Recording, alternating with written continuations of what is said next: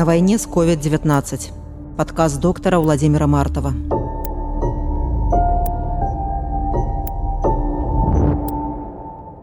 Глава 11. Сортировка. Если уделять внимание только самым тяжелым пациентам, то кажущиеся легкими ухудшатся без нашей помощи и без нашего внимания. Очень важно было их не упустить. А это работа, это время и внимание, которых при чрезмерной нагрузке дефицит. Принцип сортировки непривычен для молодых врачей. Они описывали свои ощущения от первых дежурств как растерянность и дезориентация. За что хвататься, как все успеть, как всем помочь. З вами журналістка свабоды Ганна Соус і вы слухаеце падказ доктара Мартава.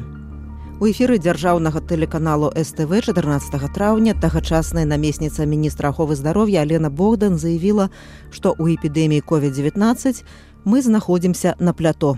Мы в последнее время выходим на так называемое плато, когда мы выявляем в среднем где-то около 8,7, 9,7% от количества тестов, которые мы провели.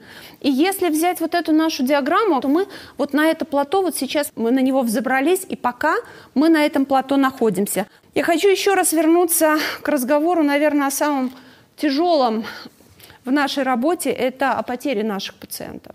Это неотъемлемая часть специфики нашей работы. Поверьте, что мы делаем все возможное, что есть. Пра выхад на плято ўлады гаварылі неаднойчы і пазней. Даверу людзей да такіх заяваў, як і да афіцыйнай статыстыкі мінздароўя не было ані ў траўні 2020, ані ў 2021, ані ў 2022 годзе. А дактары тым часам выпрацоўвалі свае правілы і методыкі на вайне з COVID-19. Работа вне реанимации требовала определенной скрупулезности. Обход всех – это действительно обход всех, всех палат на всех этажах. Короткие правильные вопросы. Хватает ли воздуха? Какой день болезни? Ходите ли писать? Не концентрирована ли моча? Зачастую без лечащих врачей, без анализов, без контроля уже назначенного лечения. Мы смотрели пациентов как специалисты по доставке кислорода. Наша задача была вовремя увидеть недостаток кислорода – если утром из общей палаты забирали задыхающуюся пациентку и сразу интубировали и переводили на искусственную вентиляцию, значит вечерняя смена ее упустила. Феномен короны заключался в том, что дефицит кислорода, однажды возникнув, не имел обратного хода. Легкие теряли свою функцию как орган надолго, на несколько недель. А потом эта функция восстанавливалась еще в течение многих недель и месяцев. Дефицит кислорода можно было только вовремя заметить, даже не столько с помощью пульсоксиметра, сколько по переносимости физической нагрузки. В частности, утром. Как человек себя чувствует после похода в туалет и чистки зубов? Какова сатурация, насыщение крови кислородом, не в покое, а после присаживания позавтракать? А дальше начинался каскад подачи кислорода через носовые катетеры, через лицевые маски. Больше потока, еще больше потока. Но наряду с этим минимизировать расход кислорода. Меньше движений, не тратить силы даже на поход в туалет, даже на принятие пищи. Если контроль за пациентом требовался ежечасный, мы его переводили в отделение реанимации. И только если дефицит кислорода преодолеть этими мерами не удавалось, пациента переводили на ИВЛ. Там, где раньше в интенсивной терапии действовал принцип перевода на ИВЛ «чем раньше, тем лучше», теперь действовал прямо противоположный принцип «чем позже, тем лучше».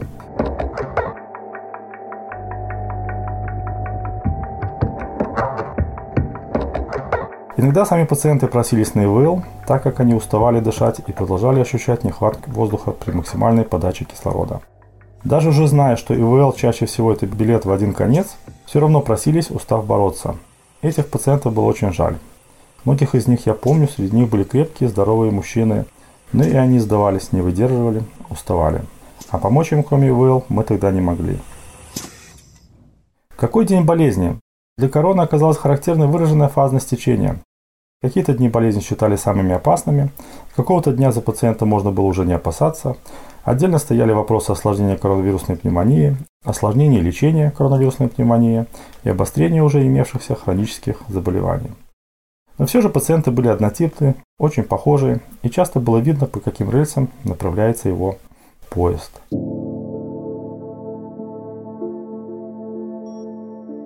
У сярэдзіне траўня 2020 ў менскім вайсковым шпіталі ад пнеўманіі памёр 52гадовы герман александраў. Ён узначальваў упраўленне ўзброеных сіл па выкарыстанні паветранай прасторы. Дачка спасылалася на словы лекара пра каранавірусную клінічную карціну хваробы. Александраў быў 12 дзён на швл у рэанімацыі, дзе і памёр. У пасведчанні аб смерці запісалі лёгачна-сардэчную недастатковасць і пнеўманію. Цела выдалі ў пакеце, хавалі ў закрытай труне. Дачка згадвала праведзены ў Менску, нягледзячы на пандэмію парад 9 траўня. Мне было цяжка глядзець на гэты бязглузды парад, бо на той момант мой тата ляжаў на швл. сказала тады свабодзе дачка германа Александрова.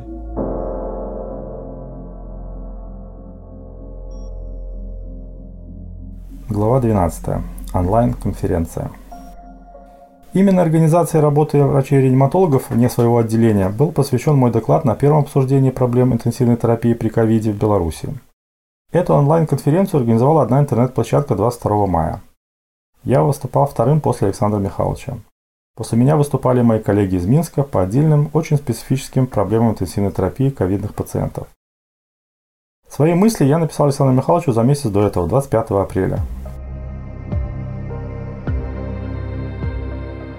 Сегодня суббота, у меня день отдыха. Оттого могу сформулировать то, что уже понятно. Итак, что работает – во-первых, сортировка. Первый А. ИВЛ срочно. Редко с колес, чаще это пациенты, переведенные из других стационаров. Первое Б. Высокая вероятность ИВЛ. Сразу госпитализация в реанимацию. Процент ИВЛ в итоге не очень большой. Но кислородная поддержка, носовой катетер, лицевая маска, маска с резервуаром и контроль пронпозиции обязательны. Пике сваливаются единицы. Но среди них есть пациенты безо всякой сопутствующей патологии – это я так опровергал мнение, что умирали только пациенты с хронической патологией. 1В – общая плата с кислородом, просто наблюдение. И 1Г – плата без кислорода. Зачем они вообще приехали в стационар? Для наблюдения, по причине страшной рентгенологической или КТ-картинки. Корреляции с тяжестью состояния нет, но куда качнутся качели – неясно. Во-вторых, ротация пациентов из бескислородной зоны в кислородную и обратно – Итак, реально работает только стратегия сортировка плюс ротация пациентов. В-третьих, кто этим должен заниматься? Как всегда, в треугольнике люди, деньги, мозги всегда чего-нибудь не хватает. В итоге ключевой человек – анестезиолог-реаниматолог. Но не простой, а инициативный. Это проблема. Безинициативность ненаказуема. Это слабое звено всей системы. 27 апреля я дописал Александру Михайловичу. Кстати, чем крупнее стационар и больше отделение анестезиологии и реанимации, тем легче осуществить маневр силами и средствами. За счет прекращения плановых операций высвободились плановые анестезиологи, которых отправили в грязную зону. А работа по 8 часов вообще приводит к экономии ставок, будь она неладна.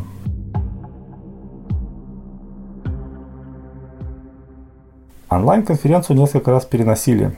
Чувствовалось какое-то сопротивление. Когда мне надоело ждать, я записал собственное видео на YouTube, Вышло 13 мая, а записано, вероятно, 10. Это получилось не очень красиво и коллегиально, и мне пришлось объясняться.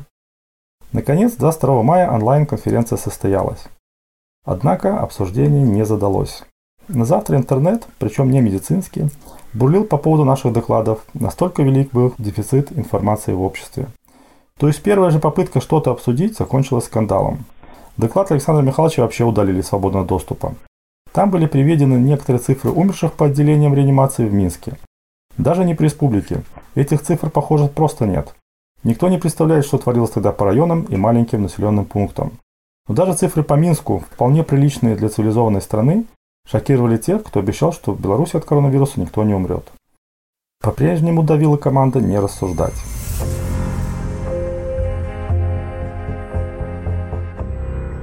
19 траўня 2020 году тагачасны міністр аховы здароўя владимир каранік наведаў віцебскую абласную клінічную бальніцу тады ён заявіў мясцоваму тэлеканалу віцебск што пік эпідэміі каранавірусу пройдзены и если на пике мы действительно иногда видели больше 200 а, случаев пневмонии в течение суток, то сейчас эти показатели упали до 20-30 случаев по Витебску, что в принципе уже приближается к естественной норме, к естественному фону. Я думаю, что в ближайшее время количество пневмонии будет и дальше уменьшаться, учитывая, что сезонные заболевания уходят. С некоторым опозданием вину тому и теплая зима, и холодная весна. Но, судя по прогнозам, погода все-таки установится, и сезонные а, респираторные инфекции уйдут. последние три недели мы видим устойчивое снижение заболеваемости как и коронавирусной инфекцией, так и пневмониями. Но еще раз повторю, что и на пике, и сейчас ситуация оставалась и остается под контролем. У нас достаточно коечный фонд, и даже в самые, скажем так, напряженные дни использовалось около, около 50% имеющего коечного фонда. А количество аппаратов ИВЛ, которые были задействованы для оказания помощи пациентам с пневмониями, никогда не превышало 15% от имеющегося парка. А наконт перавагаў коечнага фонду у доктора Мартова было свое меркаванне. Поначалу мы, и я в том числе, считали своим преимуществом большой, даже избыточный коечный фонд Республики Беларусь. Однако, как быстро выяснилось, для лечения тяжелых инфекций нужны не просто койки и приставные кушетки, а вооруженная койка с кислородом, монитором, дозаторами. Нужен подготовленный персонал, а этим не могли похвастаться даже некоторые отделения реанимации. Привлеченный врачебный персонал, дерматологи, гинекологи, лор-врачи, позже хирурги, тоже вел себя по-разному. Травматологи рассказывали позже, никогда так не было легко работать, как при коронавирусе. Операции нет, твое дело провести утром обход пациентов, а если кому-то хуже, позвать к нему реаниматолога, и все. А мы, реаниматологи, тогда метались, как белки в колесе, искали кислородные точки и места в палатах интенсивной терапии. У нас что-то получалось, но чем выше становилась нагрузка, тем меньше получалось.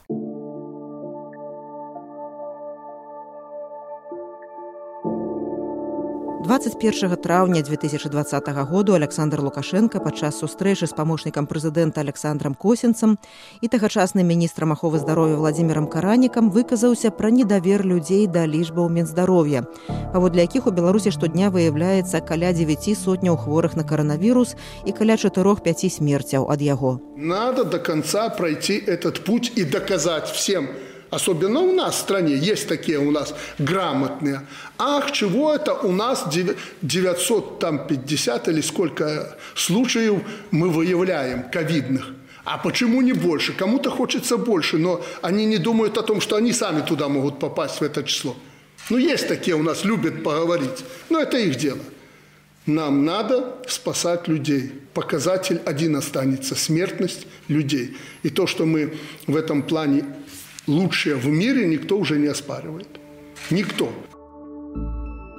Гэта прагучала ў рэпартажы АНТ. 20 траўня колькасць афіцыйна прызнаных смерцяў інфікаваных COVID-19 у Беларусі складала 19 чалавек на 1 мільён насельніцтва. Гэта сапраўды даволі нізкі паказнік у свеце, але не самы нізкі і не самы лепшы меншы чым у беларусі на той момант нават калі мець на ўвазе афіцыйныя лічбы ён быў у баўгарыі грэцыі чарнагоры украіне латвіі альбаніі славатчыне а мы вяртаемся ў віцебск дзе доктор мартаў аналізуе іншыя лічбы индивидуализация лечения пациентов поначалу так и было на первого ВИП-пациента в Витебске в марте 2020 года было выделено два врача и две медсестры 24 на 7. Настоящая пандемия таких соотношений не знает. Вскоре стало, как и положено, один врач на 6 пациентов, одна медсестра на трех, хотя эти довоенные нормы, как выяснилось, не очень подходили для ковидных пациентов на ИВЛ. Потом врачей нам еще удавалось обеспечить один на шестерых, медсестер стало один на 6, потом на 12, потом были смены в реанимации без санитарок. Так система индивидуализации лечения рухнула, похоронив под собой многих и многих. Больных на ИВЛ нужно ворочить, за ними нужно ухаживать. Оказалось, что перевод на ИВЛ – это не на один день, не на одну неделю, как при гриппе или при сепсисе. Ожидаемые 4-6 недель на ИВЛ – это 4-6 недель ада, интенсивного ухода, несколько кругов того же сепсиса, антибиотик-ассоциированного поноса. Немногие это пережили. В первую волну выживших после ИВЛ я помню всех. На пальцах двух рук помещаются.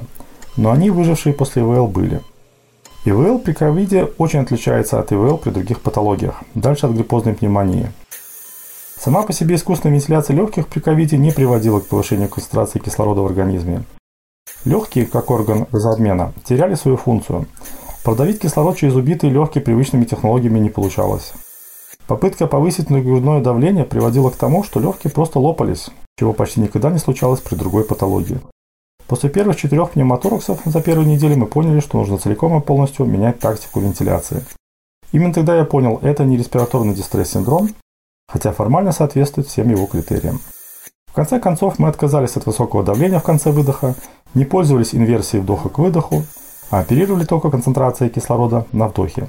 Этот параметр был максимальным. Длительный ИВЛ, потом очень тяжелая длительная реабилитация, не на один месяц. Попытка ускорить отлучение от аппарата редко бывала успешной. Привычные на примере гриппа или сепсиса модели не работали. Одну молодую женщину мы неудачно экстубировали раза три, но она выжила, опять же, вопреки всем. А отлучить от ИВЛ очень хотелось. Очень хотелось хоть каких-то побед, чтобы хоть кто-то из переведенных на ИВЛ выжил. 9 мая Александр Михайлович спрашивал меня, сколько пациентов сняли с ИВЛ. Это, казалось, был ключевой вопрос о значимости нашей профессии.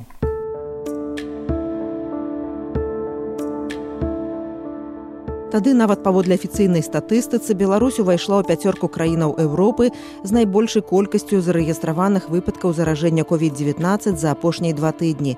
Пра гэта паведаміў 28 траўня дырэктар еўрапейскага рэгіянальнага бюро сусветнай арганізацыі здароўя Ганс Клюе. Акрамя Беларусі у першую пяцёрку ўвайшлі Расія, Вялікая Брытанія, Турэччына, Італія. На 28 траўня колькасць пацверджаных мінздароўя выпадкаў COVID-19 у Беларусі дасягнула 39 858 чалавек. Памерлі 219 чалавек. А с реабилитацией вышла неожиданная проблема. Администрация запретила работать инструкторам по реабилитации и лечебной физкультуре в грязной зоне. Дело в том, что за работу в грязной зоне доплачивали большие деньги. Здесь решили сэкономить. Все это, конечно, не способствовало быстрейшему восстановлению уже выживших. Позже мы передумали перевозить пациентов через один месяц ИВЛ из грязной зоны в чистую где им уже занимались в том числе инструктора. Переводились, несмотря на положительный ПЦР, а многие плюсовали долго. Все-таки уже было понимание, что в эти сроки пациенты не могут быть заразны. Зато в чистую зону не пускали родственников. В медучреждениях действовал жесткий карантин. В грязную зону, конечно, тоже не пускали родственников, но болели семьями. Нередко у пациентов реанимации на ИВЛ рядом в общих палатах лечили близкие родные. Так жена одного нашего пациента на ИВЛ регулярно заходила к нему, верила в него, помогала ухаживать за ним. Я думаю, он ей обязан тем, что все пережил и выжил, и выписался на своих ногах. Но после перевода в чистую зону жене, уже выписанной из больницы, посещать его было запрещено. Я еще втихую пару раз провел ее к нему. Он как раз учился дышать самостоятельно и учился присаживаться. Но грозные окрики сверху закрыли и эту возможность. Мне разъяснили, что это даже не Министерство здравоохранения приняло решение о карантине при особо опасной инфекции, а Совет министров. Доктор Мартаў на вайне з COVID-19 у наступным выпуску. Адбор цяжкіх пацыентаў і арганізацыя палатаў для тых, хто памірае. Людзі маюць патрэбу ў інфармацыі, а яе няма. Рэпартаж тут бай чырвонай зоны шпіталя хуткай дапамогі і звальнення галоўнага лекара. Кітайская хімія, калі не да законаў.